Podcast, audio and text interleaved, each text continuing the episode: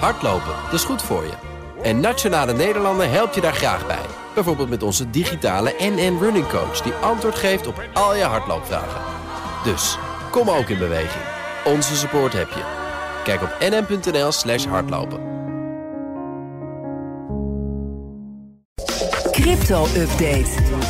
Met Daniel Mol, redacteur van de CryptoCast. Goedemorgen. Goedemorgen, Johan. Hallo. Vorig jaar werd er voor 24 miljard dollar in uh, crypto bij elkaar ja, gehackt en gescamd en witgewassen. Dat is uh, best wel een aanzienlijk bedrag, 24 miljard.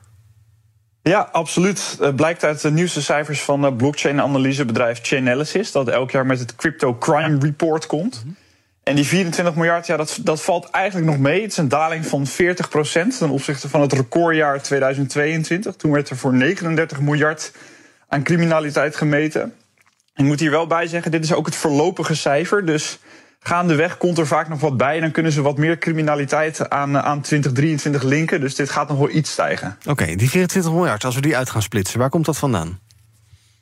Nou, een heel groot deel van het geld, uh, 60% bijna, komt van uh, interactie met gesanctioneerde adressen. En dat is natuurlijk een nieuw ja, concept bijna sinds de oorlog in, in Oekraïne.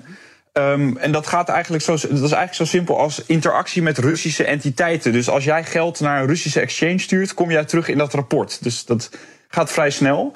Uh, verder is ransomware steeds belangrijker. Dat doen we natuurlijk heel veel, ook op BNR, heel veel verslag van.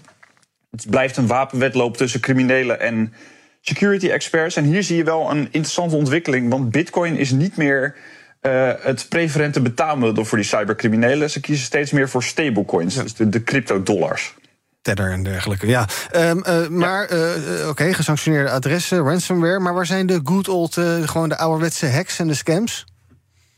Ja, die zijn een heel stuk gedaald op de lijst. Dat is, dat is inderdaad grappig. Opbrengsten uit scams daalden met 30% zo ongeveer.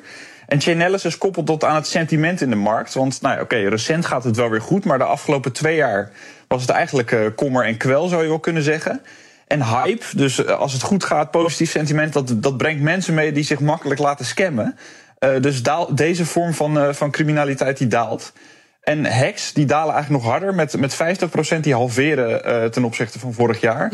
En dat komt denk ik doordat hackers het vaak gemunt hebben op, op DeFi-platformen, decentralized finance-platformen, die heel ja, onvolwassen zijn, gaat heel veel geld in om. En die worden denk ik, die denken nu beter na over hun beveiliging. Maar moet daar dan ook weer bij zeggen, één hack van honderden miljoenen kan het allemaal weer veranderen. En dat, uh, dat ziet Chainalysis gelukkig ook. Oké, okay. dan nog even naar die uh, Bitcoin-ETF's. Uh, begin deze maand, 10, 15 dagen geleden, goedkeuring van de Amerikaanse autoriteiten om daarin te gaan handelen. Dat heeft een heuse prijzenoorlog afgetrapt in Amerika, maar nu ook in Europa. Ja, dat is leuk nieuws.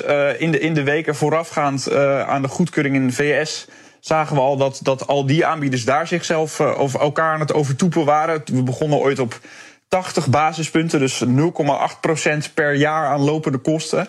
Uh, nu zitten we daar op 19 basispunten. En uh, inmiddels heeft die prijzenoorlog dus ook Europa bereikt.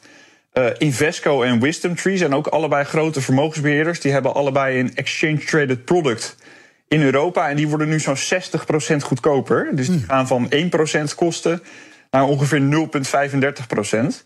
Dus in Europa kunnen we ook goedkoop in bitcoin beleggen op de beurs. Ja, maar die hele goedkope Amerikaanse producten, daar kunnen wij nog niet bij, hè? Dat gaat hem niet worden.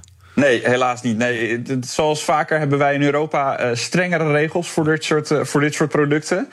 Uh, zo moet er altijd een bepaalde spreiding worden aangebracht, vertelde Martijn Rozenmuller van, van ECMEI.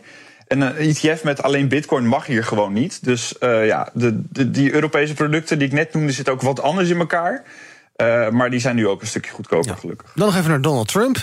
Um, beetje weg bij crypto, maar dat gaat over de digitale dollar. Zo'n idee dat uh, de centrale ja. bank dan zelf een digitale dollar gaat uitgeven. Die heeft zijn mening over dat idee gegeven bij een campagnemomentje in New Hampshire. Wat zei hij erover?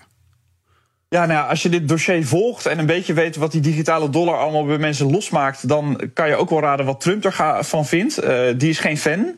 Uh, het is wel grappig, want dit is een van de eerste keren dat hij dit zegt. En dat is hem denk ik min of meer ingefluisterd door Vivek Ramaswamy. Ah. Dat is een ondernemer die ook in de race was voor die Republikeinse nominatie. Uh, hij is afgehaakt en hij heeft Trump uh, geëndorst, zeg maar. Hij is fan ook van crypto en dus tegen die digitale dollar. Uh, waar overigens nog helemaal geen concreet plan voor ligt. Dus dit is uh, zieltjes winnen, denk ik. Mhm. En in Europa zijn we wel een stukje verder. Ja, daar wordt inderdaad wel gesproken uh, op nou, ministerieel niveau in Brussel. Ehm, als we nu over crypto hebben, we weten dat Biden daar vrij streng op is... met allemaal regelgeving komt, wil komen. Stel nou eventjes even scenario denken. Stel nou dat Trump in november wint, zou zomaar kunnen. Wat kunnen we dan verwachten als het gaat om crypto-regelgeving?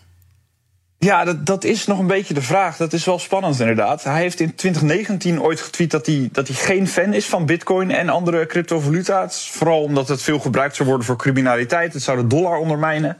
Nou, dat verhaal kennen we op zich wel.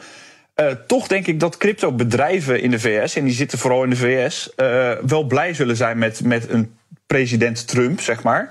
We weten dat uh, Trump geen fan is van toezichthouders. En zeker niet toezichthouder SEC, de, de beurswaakhond.